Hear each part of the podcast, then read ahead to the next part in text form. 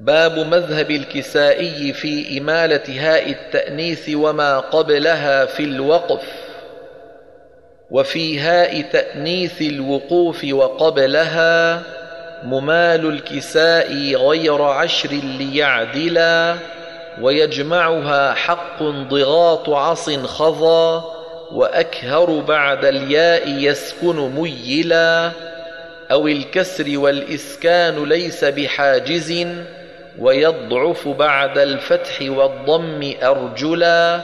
لعبره مئة وجهه وليكه وبعضهم سوى ألف عند الكسائي ميلا.